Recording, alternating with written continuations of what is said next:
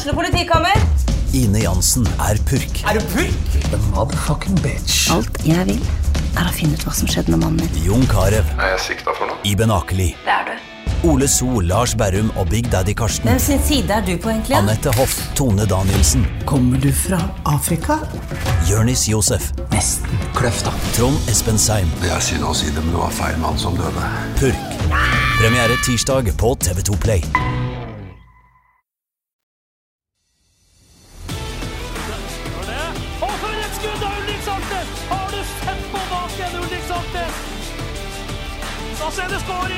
Og så skårer Bodø-Glimt.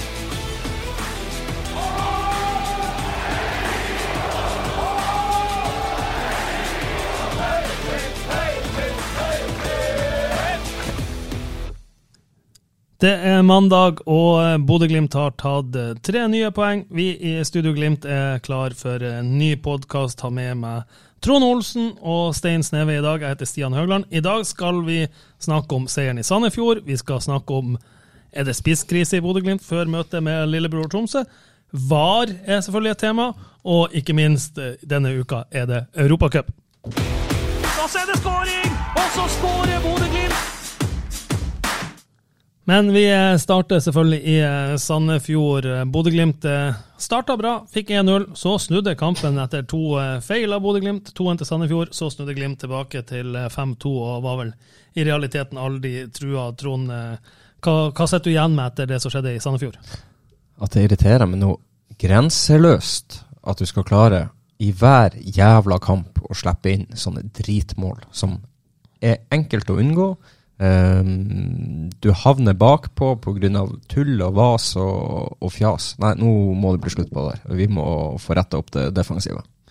Nå trodde jeg at vi hadde tatt med han Sintestein i dag for å, for å få ordna opp i det her forsvaret. Og Stein, så kommer han Trond, og så er det han som bare går rett i, i beast mode her. Sinte Trond, ja. Uh, men jeg er jo enig med Trond. Det er, det, er så, det er så fryktelig unødvendig. og Det skjer dessverre i kamp etter kamp. Uh, og så har jo Glimt en unik evne til å, til å snu det. Altså, Held, heldigvis ja. så er de så gode at de klarer å snu det. Ja, uh, Men det er spørsmål om de, om de klarer det mot, uh, når de skal ut i Europa og møte enda bedre lag enn Sandefjord, uh, og for så vidt TIL og, og andre lag som, som, som der de har sluppet inn altfor enkle mål.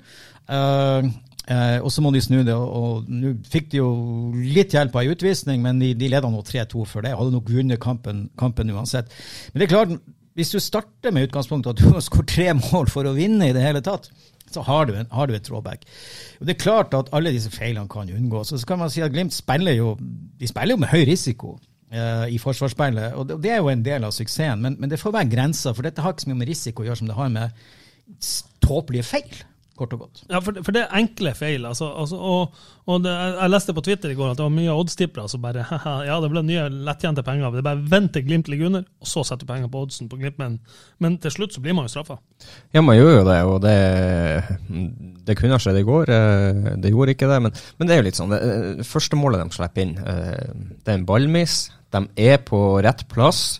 De har egentlig full kontroll, men de er en halvmeter unna hele tida. Så når til slutt skuddet kommer, så, så, er det plass og rom, og så er det et fantastisk godt skudd. All ære til, til Sandefjord-spilleren der, men eh, det er det her eh, aggressiviteten og, og trøkket i det presset for å unngå å få de skuddene, eh, avslutningen mot seg, som, som, må opp mange hakk. Ja, Hvis vi tar 1-1-målet, da. Så Marius Lode tar jo med seg ballen fremover, sånn som, vi, sånn som vi ønsker han skal gjøre. Så får han en dårlig touch, er det vel, å, å få litt passiv og klarer ikke å få Hvis han får trykka den ut til Albert, er det vel, så på utsida, så får du en kjempeovergang. Så blir det et brudd imot, og du får, eh, får det, det, til slutt ende med skuddet. Men det er jo noen tidspunkter her til å rette opp den feilen som Lode gjør først. Ja, det er jo det jeg sier. Altså, du, du, er jo på plass, du er jo på rett plass. Du har mange folk på rett side før skuddet kommer, og, og da er du for, uh, for sein i, i, i, å støte uti for å få det, det rette presset og unngå det skuddet imot. Uh, og så er det klart at uh, den gressbanen jeg spiller på i går, det er noe med den risikoen du, du kan ta der kontra et uh, plettfritt kunstgress som du uh, trener på og spiller mye, mest kamper på.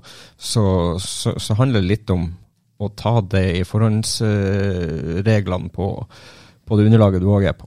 Så det er Nei, vel altså- 2-1-målet, det er vel den store feilen i går. Ja, altså hvis, hvis du skal laste eh, Marius for noe, så er det nok mye mye verre, syns jeg, målet nummer to og, og forsvarsspillet der. fordi at jeg er helt enig. altså jo da, jeg hadde jo helst, altså han går fremover. Han har mulighet til å slå, og så går han seg litt sånn inni. Men, men de har god tid til å klarere, de har god tid til å presse, de har god tid til å stoppe det skuddet. skuddet han får alt, alt altfor alene. Altså, er det, det er jo selvfølgelig et fantastisk skudd og et, kan kalle det et lykketreff, hva, hva, hva du vil. Men det klasspresset der er, er for dårlig. Det syns jeg er mye verre enn at Marius mister ballen på, på vei fremover. For det, igjen, det, det har med liksom den risikoen man tar når man prøver å gå gjennom ledd og, å være veldig sånn offensiv i, i et offensivt forsvarsspill, for å si det sånn. Men, men der, er- der, der presses det for dårlig. Og det andre, det er jo, det er jo et tullemål. Eh, og så skal det jo sies at eh, Sandefjord har jo drittflaks. Den treffer foten til Lodin, og så spretter Jeg er tror jeg faktisk, eh, at eh, Haiken hadde tatt den ballen. Men eh, du, du sa et ord, eh, fantastisk, og det bringer meg jo veldig lett over på Albert Grønbæk. For den første omgangen han leverte mot Sandefjord, det er noe av det bedre jeg har sett han innløper på Glimt på mange, mange mange år. Det er pure klasse. Rett og slett. Det, Ja, han var enorm i, i første omgangen, og eh, han viste virkelig hva som bor i han. og Det er veldig gledelig å se at han viser den formen nå rett før vi skal ut i uh, kvaliken til Europa. Og i hele tatt, uh, første omgangen, venstresida til Glimt med, med Fredrik André, Albert og Amal, de har en del eh, kombinasjoner der som det blir, eh, det blir tre mål av det. Og, og eh, du har også en del andre sjanser. for Det er jo et par blokker der som eh, og et par skudd over òg, som, som settes opp fra venstresida. Ja da, det gjør det. Og eh, Fredrik er jo Han har jo vært savna, han har vært ute med skade. og eh, Han viser jo veldig hva som bor i han. og Når han kommer inn, så er relasjonene litt bedre enn de har vært tidligere. Eh, Albert eh, viser seg mye bedre fra, fra venstre indreløper enn en enn motsatt side. og det ja, jeg syns eh, det der var veldig gledelig å se at venstresida har tatt eh, store hakk eh, før Europa. Du, Stein, det er jo du som, jo du som har utdanninga hos her, og, og som er den smarte. Nå, Med en gang Glimt-spillere gjør det bra, så må vi selvfølgelig begynne å snakke om nå skal de selges. Albert Grønbæk, Hugo Vetlesen gikk for eh, opp mot 90 mill. Eh, hva du tror Albert Grønbæk går for? Jeg tror ikke Albert Grønbæk går i, i dette vinduet. Eh, fordi at jeg har ikke Glimt noe behov for. De, har, de trenger ikke de pengene akkurat nå. Så det ville være, hvis ikke, hvis ikke vi snakker virkelig gigantisk Og han har lang kontrakt. Han har lang kontrakt osv., så, videre, så han, han tror jeg nok blir, han bør bli. Han kommer bare til å bli bedre og bedre.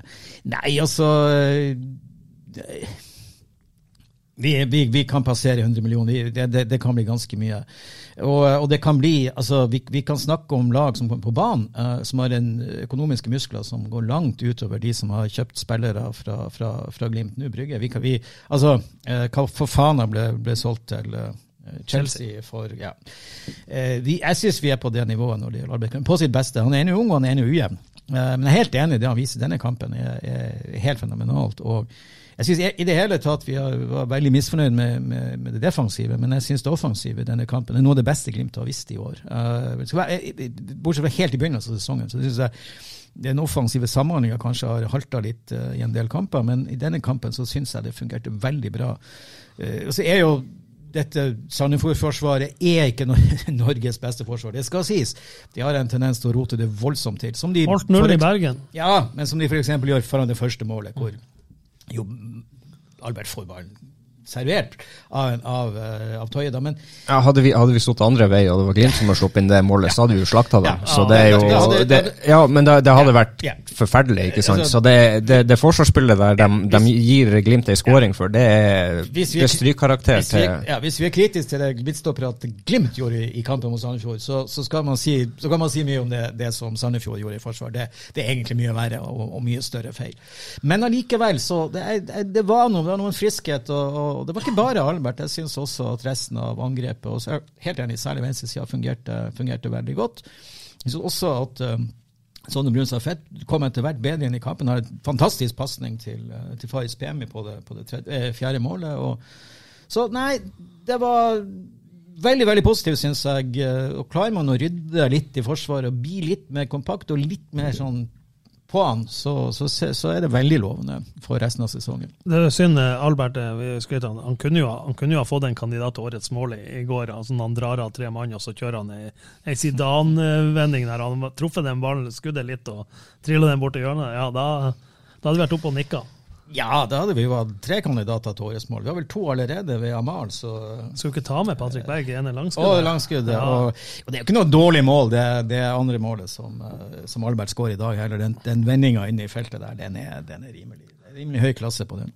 Som jeg, Vi snakka om eh, overgangssummer. Eh, det hadde vi ikke planlagt, eh, akkurat dette, men jeg tar det med en gang. Victor Boniface, som går for 220 millioner norske kroner.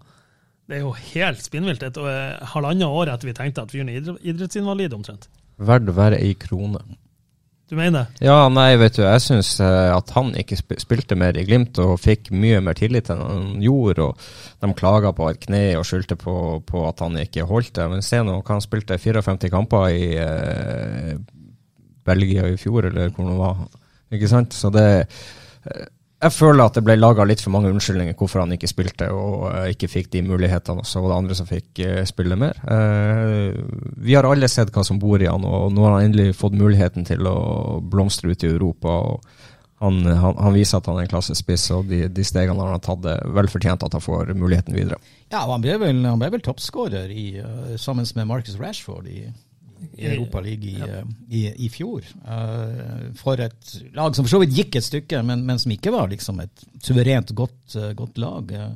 Så det er klart, all ære til, til Viktor. Og omtrent fra han kom til Glimt, så har jo alle på en måte pekt på han som, som kanskje det største talentet som noen gang har vært i Glimt. Altså Badou var det, men altså en, en, en, en spiss, spiss som har absolutt alt. Uh, og som er, aldri helt slo igjennom i Glimt. Og hvor mye av det som skyldes skader, og hvor mye av det som skylder at man hadde andre prioriteringer i Glimt, det skal ikke jeg uttale meg om. Men at potensialet var der, det var det ingen tvil om. Så jeg er slett ikke overraska etter innsatsen eh, i fjor. Eh, jeg var en, sammen med en gjeng som var nede og så han uh, skåre to mål i, eh, mot Braga i, eh, i, i Europa League, eh, hvor han bare var helt magisk. Så eh, at, eh, at lag i andre ligaer, er større ligaer enn Og jeg man kan kanskje håpe det har vært enda grådigere og griskere at hvis han hadde gått til Premier League, så ville nok kanskje summen blitt enda høyere. Men, men gud, vi skal ikke klage over 220 millioner. Det, det er et rimelig fett. Det blir et rimelig fett beløp inn på Glimt sin konto også. Og, Og, ikke minst viktig at en Glimt-spiller, en som kommer fra Glimt, eh, går videre, lykkes og blir solgt videre igjen. For det er de ringvirkningene og signalene som, som blir sendt. at eh, det, det, det har vært mange som har kommet tilbake og ikke lyktes eh, i, i, i noe særlig grad. Her har du et eh, motsatt eksempel på en som tar steg, kommer seg videre og eh, spiller i en toppliga. Og for oss som har vært på ferie og vet at kronekursen er ekstremt ugunstig for oss for Bodø-Glimt, så er det bare smil nå med ugunstig kronekurs, i og med at videresalgsklausulen her selvfølgelig er i euro. euro. Ja, får bare håpe at de pengene kommer fort, da.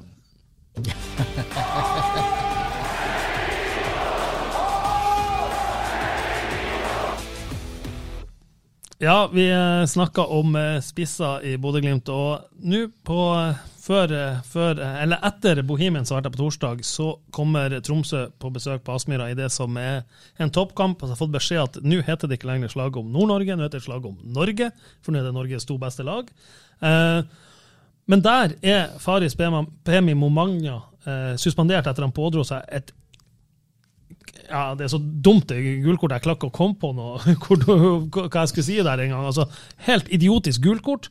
Han må stå over. Runar Espejord er PT eneste friske Glimt-spiller i troppen som er i Bodø enda, for Lasse Nordås reiste til Tromsø i går. Eh, Runar Espejord, all ære til han, en god spiss. Han holder ikke 90 minutter. Trond, hva i all verden skal Bodø-Glimt gjøre mot Tromsø? Nei, Satsen på at Runar holder 90 minutter. Det er, det er jo det du eh, blir nødt til å gjøre. Um, ellers så finnes det vel et par alternativer å kunne mikse og trikse litt der, så eh, Ja, tenker de du kommer nok godt ut av det uansett, så um, Har, har, ikke, har ikke Isak vært Jo, men han er- Ja, han er skada. Ja, det er han faen meg også. Ja. Du har en Ulrik du kan hive på topp de siste minuttene. Uh, ja, det, det, det, det, det finnes alternativer. Akkurat nå så tok det meg litt på senga på, på, på hvem den spissen skulle være, men eh, Ja. Eh, wild, wild, wildcard. Brede Mo på topp de siste 15. Uh, Ulrik Saltnes. uh, Noen som kan presspille, er vel det viktigste, nesten. Ja, det, men det er jo avhengig av resultatet òg i kampen.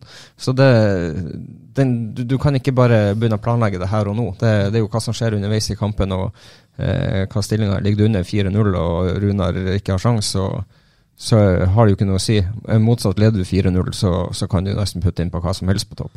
Ja, og så er det vel sånn at uh, vi vet jo at Bodø-Glimt kommer til å ligge under eh, etter fem minutter, for det, det gjør de jo hver gang de spiller så, mot Tromsø. Så, så de har jo en De må jo starte kampen på en annen måte, kanskje. Nei, det er egentlig greit, for de kommer jo tilbake og vinner de kampene, så da, da er det bare å ligge under tidlig. Uh, nei, men uh, du, du, du må få orden på, på, på det der, og ikke havne under tidlig i de kampene. Det, det er viktig, så slipp å jage hele tida. Nei, altså Jeg er jo helt enig. altså Glimt har ikke noe valg. altså De må, de må starte med, med Runar og håpe han holder så, så lenge som mulig. og Så må de kanskje improvisere litt, eh, litt etter det. De vil jo selvfølgelig ha en plan på forhånd. da. Det har vært snakk om at Lasse Nordås kanskje kan komme nedover igjen osv. Men det, det, for meg føles det ut som en veldig kunstig løsning. Han skal til TIL, han er reist til Tromsø allerede, blir kalt tilbake for å Nei. Eh, start med Runar, se hvor lenge han holder. Eh, og forhåpentligvis så holder han nesten helt ut, og da leder Glimt 2-0, og da kan de slippe hvem som helst innpå.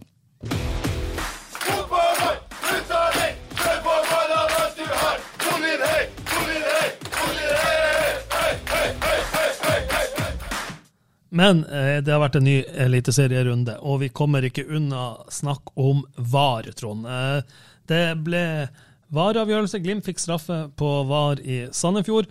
Det var kanskje den minst kontroversielle VAR-avgjørelsen som var i denne runden. For når vi ser på hva som skjedde i Skien, med eh, over sju minutter på å avgjøre at det var 16 millimeter onside. Du får et eh, straffe, du får et rødkort på eh, straffe, som jeg tror det er litt klønete uttalt av dommeren. Han ser, han ser et stillbilde, men uansett, han sier nå det. Eh, Trond, du som er fotballspiller. VAR. Vær så god. Jeg, jeg er for VAR, men uh, ikke på den måten. Uh, for det første, du bruker sju minutter på å avgjøre om det er straff eller ikke. Du legger til seks minutter. Hvor er logikken? Hvor er Altså, du, du må jo være helt nedsnødd når du ikke klarer å holde orden på tida for hvor lang tid du har brukt på en avgjørelse, og for også hva du skal legge igjen. Altså, du, du tar jo ifra eh, lagene spilletid òg, så det Nei, det er, det er helt på trynet. Nei, så er jeg helt enig også for VAR. Altså gå mot VAR. Eh, altså Ja, det er ikke VAR. Nå skal jo Glimt spille en Europacupkamp. Det er ikke VAR der eh, så tidlig i rundene.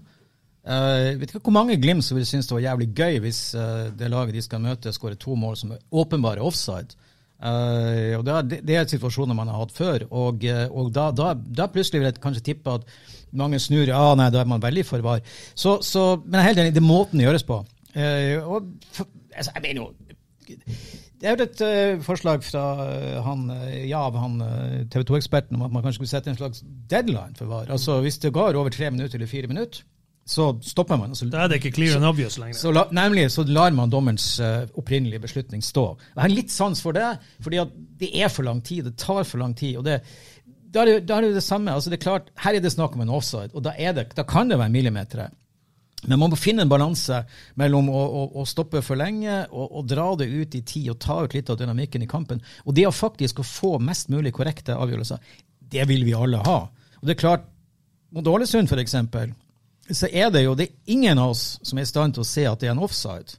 Nei, ikke mot Ålesund, mot Haugesund. Ja. Uh, før du ser reprisen. Og da ser du øy, selvfølgelig er det offside.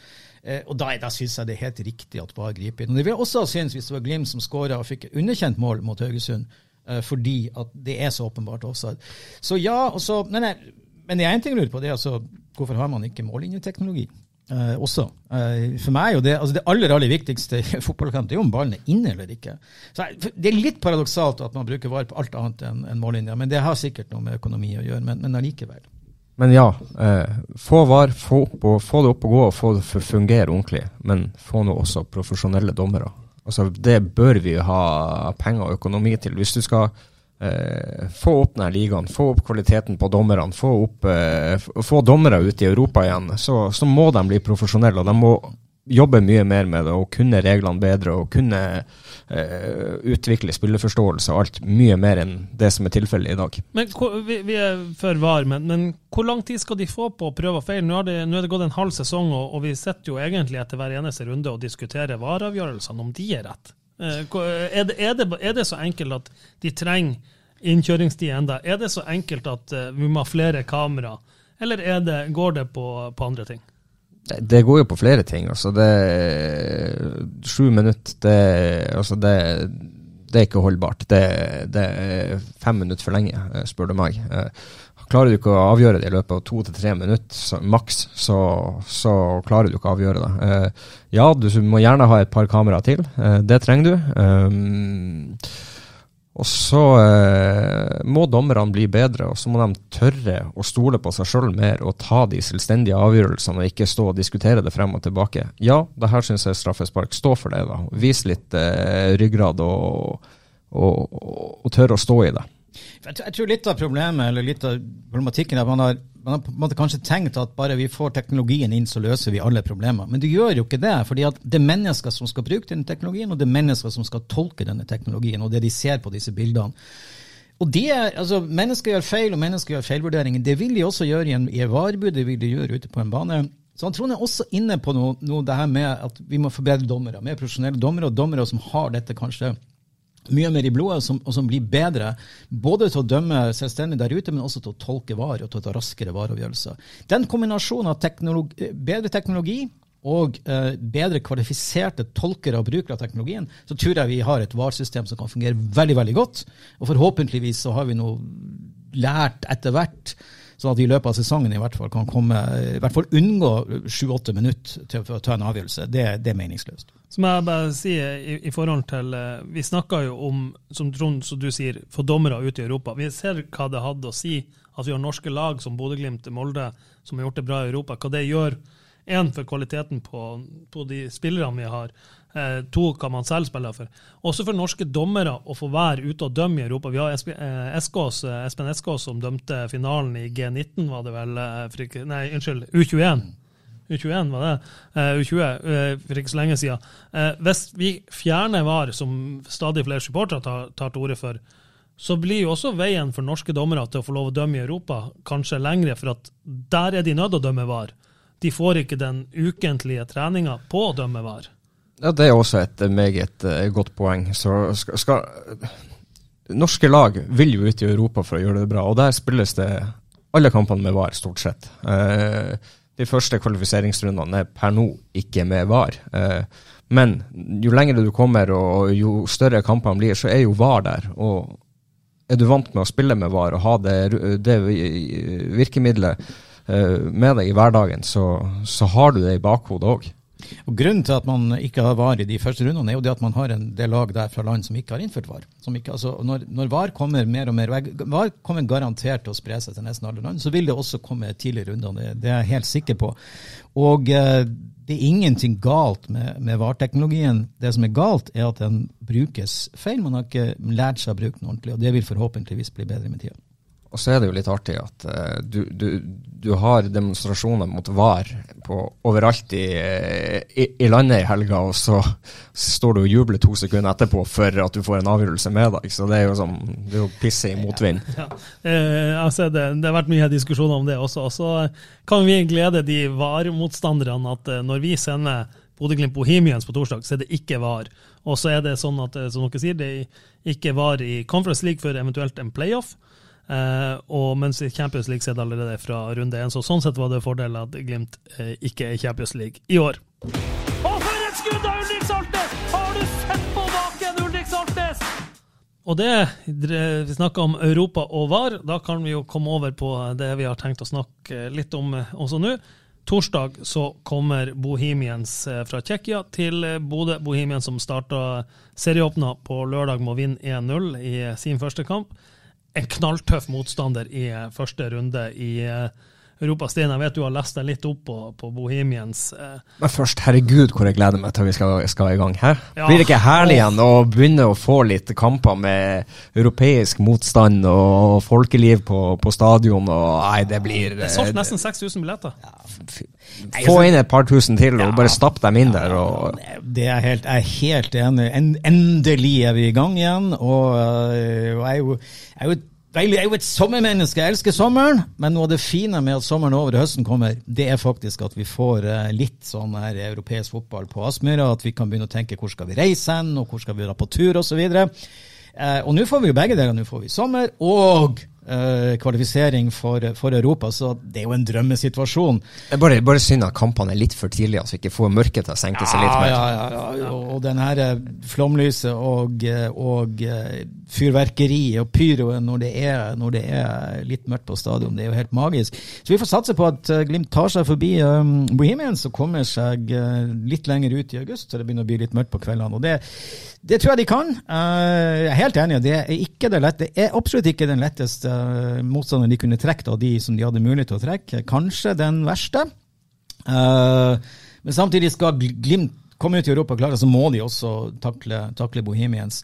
Uh, de har gjort det veldig bra i tsjekkisk liga i det siste. De, de, de, de, vinner, og de er on a run. og jeg hadde vel serieåpning i helga der de vant 1-0. Ja, men uh, de har jo også spilt en del treningskamper. Som, uh, ja da, men det, vi må jo måle ut ifra seriestart. Vi må ut fra seriestart, og, og, og, Glimt har jo ikke gjort det dårlig, de heller.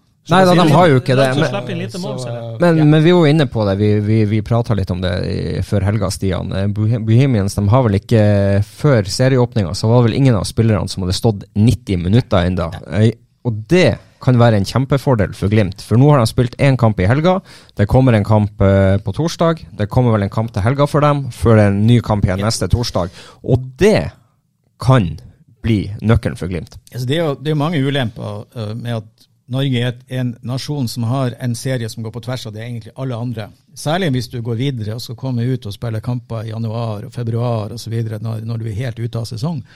Men akkurat når vi eh, snakker om uh, disse kvalifiseringskampene på sommeren, så er det en kjempefordel. For Glimt er midt i sesong, og uh, de andre lagene som kommer fra som har sommerpause, er så vidt påbegynt sesongen. Så det, det, det, er klart at det er en kjempefordel for Glimt. Og det er jo mye viktigere for Glimt å komme inn i et gruppespill enn at de skal gå videre i de, ja. de kampene etter, ja. etter nyttår. Ja. Ja, utvilsomt. Eh, men eh, Bohemians blir beskrevet som et direkte, eller det, det mest direkte laget i en ekstremt direkte liga. Det, det kommer til å bli en litt eh, stilkrasj her. Ja, det gjør det. Jeg var en gang nede og spilte mot uh, Victoria Pilsen, og det, det, var et tøft lag å møte borte. Um, så jeg tror nok at uh, Bohemians kommer til å komme hit uh, til Bodø med en klar plan om å ha et veldig godt utgangspunkt. Og får dem en uavgjort eller taper med ett mål her, så tror jeg de er ganske fornøyd. Og så blir det en meget tøff bortekamp hvis det blir tilfellet. 3-4-3-lag, så, så det er også en formasjon man man kjenner litt til. altså Det blir jo fort en femmer bak, da. ikke sant, så kan fort bli 5-4-1 defensivt òg, ser, ser, jeg ikke helt bort fra. så men, men eh, Trond er inne på det. De er ikke helt i gang med serien, eller én seriekamp. De er, ikke, de er ikke helt i den vanlige kamprytmen. Kunstgress er de i hvert fall ikke spesielt vant med. Hvor viktig er den hjemmekampen sin? Hva, hva må Glimt vinne med for at du skal tenke at i Praha dette blir bare kos? Nei, altså Klart vinner de 3-0, så tror jeg det skal veldig mye til. Men uh, det sa vi jo mot Klaksvik også, og det, det holdt på å gå fryktelig galt. Så du skal aldri si aldri. Uh, men dette laget er nok mye mye, mye solid uh, enn det laget som spilte i Europa i, i, i fjor. Sentralanalyserer David, det vil jeg være veldig trygg. 2-0. Føler jeg meg temmelig trygg. 1-0 ettmålseier, da tror jeg da kan det bli tøft. Uh, for det har også noe med hva Bohemians da tror og håper og det de kan gjøre på hjemmebane. Jeg er helt enig. Får de en, et enmålstap her, så kommer de til å være kjempefornøyd og synes at det er et veldig godt utgangspunkt for dem. og Da, da kommer de mye mer tagga til, til en hjemmekamp enn hvis de da sier de taper 3-0. Nei, med Et godt resultat for Glimt, da, det er alltid å vinne. Uh, vinner du med et, et par-tre mål hjemme, så har du et meget meget godt utgangspunkt. og uh, Jeg tror at uh, Glimt må, må, få et meget godt resultat hjemme for at uh, det skal bli komfortabelt å, å, komme seg videre. med et tight resultat hjemme, så tror jeg det blir en meget tøff bortekamp som som kanskje ikke vi vil eh, like så veldig godt. Men De får vel ikke spille på sin egen faste, vanlige hjemmebane i Praha. Hva det kommer til å si, tror dere? Nei, det er jo alltid en trygghet og en uh, fordel å ha sitt uh, vanlige kjente jeg å, å gå til, men uh, men nå er det noe sånn at de, eh, de, de må ut og låne en bane, og det, det tror jeg ikke har så mye å si, for de vil uansett ha sine supportere der, og de vil ha sitt opplegg rundt det. Så det, de, de er på sett og vis på hjemmebane uansett. Jeg tror jo det er mye viktigere, jeg tror det er mye viktigere at supporterne er der, og at supporterne møter opp, og supporterne vil støtte dem eh, og juble for laget. Eh, enn at de nødvendigvis altså Det er jo selvfølgelig kan jo begge deler. På en velkjent hjemmebane som de kjenner som lomma si, og har supporterne på tribunen, så er jo det mye viktigere. Eh, så er jo det det aller aller beste, men hvis jeg skulle velge mellom å spille på hjemmebane og med supportere, så er det jo ingen tvil om at supporterne er mye viktigere enn akkurat den, den hjemmebanen. Og supporterne til Bohemians viser jo at dette er en gjeng som virkelig støtter laget sitt. Det er Bortefeltet er utsolgt med 404 eh, billetter, men de har også 300 sånne kategori 1-billetter, så det er 700 av ca. 5700-5800 solgte PT på Aspmyra på torsdag som er fra Bohemians, så de blir nok å høres. Det gjør de, men det er akkurat det samme som når Glimt-supporterne er på tur. De høres.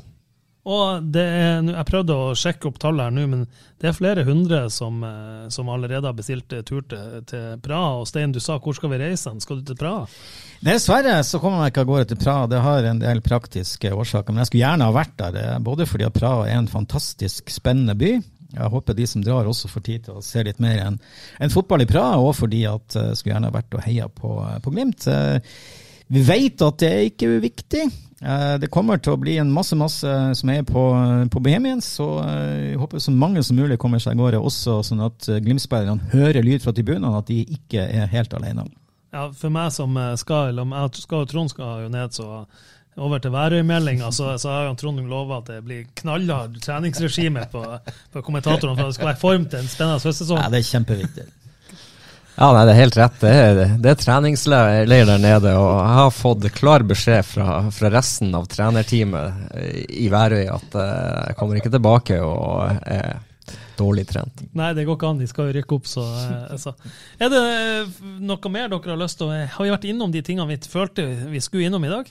Ja, vi har vel på sett og vis det. Det kommer vel en, eh, en ny livepod på uh, onsdagskvelden uh, på Sportsbaren som um, den er klokka 20. Ja, ja. Det, det, var det jeg tenkte jeg skulle ta til, helt til slutt. Ja, men på, nå tar jeg den for deg. Ja, Og hvem er gjestene, da? Nei, det er meg. Det, det, Trond Olsen det holder, kommer. Det holder, det holder lenge, vil jeg si. Det holder lenge, det holder lenge. Nei, men, men, men uansett, altså, da kommer vi til å gå mer inn på Bohemians. Uh, og, og det eneste som vi ikke har vært innom, det er jo trekninga i dag. Det har vi ikke vært innom. Og der, det var vi, Stein hadde jo en TV-sending rett før vi kom på her. Eh, Bodø-Glimt møter eventuelt, hvis de slår ut på Himen, så møter de vinneren av Kalmar og Ararat, var det det? Fra Jerevan? Nei, Pjunik. Fra Armenia. Ja, eh, og det kan da bli gjensyn med med Ricardo Friedrich, Aksel Lindahl for Bodø-Glimt og helt grei trekning. Hvis... Ja, det er vel eh, eh, Sånn som det er nå, og sånn som været er i Europa, så, så, tror jeg faktisk det er en fordel å, å møte Kalmar istedenfor 50 varmegrader nede i uh, sør. Det her er så sykt. Absolutt. Jeg fikk en tekstmelding akkurat nå. Altså, Den kom nå under resonnementet ditt. Det er det en som skriver Kom hjem fra Armenia for ei uke siden. Over 40 grader her nå. August. August er varmeste måned. Ja, men jeg, jeg, har jo altså, jeg har gjort research før det her. Altså, det er spesielt at meldingene kommer når du snakker om det. Ja, men det Du vet sånn uh, I tillegg, I tillegg så er det en lengre reise og en mer komplisert reise å komme seg til, til Armenia frem og tilbake enn å, komme seg til Sverige. Så uh, jeg håper faktisk også at, uh, at Kalmar vinner, og at Glimt møter Kalmar. Også fordi at vi da får se Ricardo Friedrich igjen. Hvis han klarer å holde seg på banen Han har jo vært utvist i to av de tre siste kampene for Kalmar, faktisk. Så ja.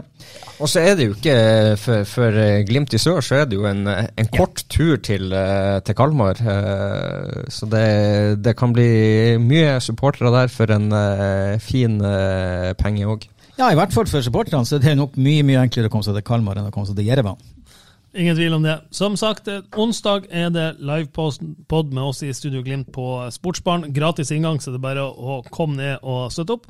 Trond Olsen er, som han har eh, så rekt påpekt, han er gjest. Men det kommer andre også. Eh, vi får besøk av Magnus Vindenes, som er en av disse supporterne som reiser på stort sett alt, og han kommer til å gi oss noen heftige, kule supporterhistorier. Kanskje får vi vite litt om en tur til Ukraina for ikke så altfor lenge siden. Og så kommer ikke minst Åsmund Bjørkan, har lova å stikke innom, og han har jo analysert eh, Bohemians opp og ned i mente, og var bl.a. i Praha og så de på senest på lørdag. Freddy Thoresen er programleder da, og da vet vi at det showet er i trygge hender, så dette kommer til å bli ordentlig kult. Det vil man ha med seg. Ja, det er i hvert fall en uh, god inngang til oppladning til torsdagens kamp. Og torsdag, for de som uh, lurer på det, Avisa Nordland sender kampen inn på Direktesport. Du må ha pluss alt abonnement. Uh, kampen starter klokka seks. Trond og meg skal kommentere. Sendinga vår starter klokka fem. Der får vi jo besøk av spillere, vi får besøk av Kjetil Knutsen, vi får besøk av Halvdan Sivertsen. Så eh, det er ingen grunn til å ikke gjøre noe annet enn å sitte og se på NTV hvis du ikke kan være på Aspmyra, for da bør man være der. Eller sett på opptak. Eller sett på opptak. Tusen hjertelig takk for at du kom i studio, Stein Sneve. Tusen takk, Trond Olsen. Jeg heter Stian Høgland, og tusen hjertelig takk for at dere hører på.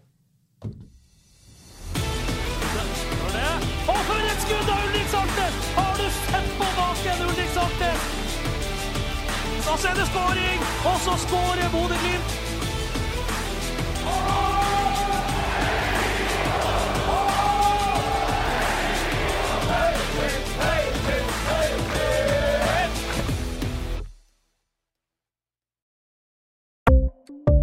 Ukens annonsør er HelloFresh. HelloFresh er verdens ledende matkasseleverandør og kan være redningen i en travel hverdag. Mange av oss har nok vandret i butikken både sultne og uten en plan for middagen, som ender med at vi går for de samme kjedelige rettene gang på gang. Middag burde være dagens høydepunkt. Som HelloFresh kan du nå velge mellom 25 ulike retter hver eneste uke, eller få HelloFresh til å sette sammen menyen for deg. Dette gir deg muligheten til å prøve nye og spennende retter alene eller sammen med familien. Du velger antall porsjoner og får alt levert på døren på et tidspunkt som passer for deg. Oppskriftene er enkle, og maten er lett å lage både for store og for små. Ved å få alt levert hjem får du også mer tid til å dele matgleden med familie og venner. Kanskje det frister med asiatiske tacos eller greskinspirert kylling? Da kan jeg anbefale deg om å gå inn på hellofresh.no. Her kan du bruke koden FOTBALL og få opptil 1779 kroner i rabatt på de første fem matkastene hvis du ikke har prøvd Hello Fresh tidligere. Du kan også bruke rabatten hvis du har vært kunde og stoppet abonnementet ditt for tolv måneder siden eller lengre. Gå inn på hellofresh.no og bruk koden FOTBALL. Har du et enkeltpersonforetak eller en liten bedrift? Da er du sikkert lei av å høre meg snakke om hvor enkelt det er med kvitteringer og bilag i fiken, så vi eh, gir oss her, vi. Fordi vi liker enkelt. Fiken superenkelt regnskap.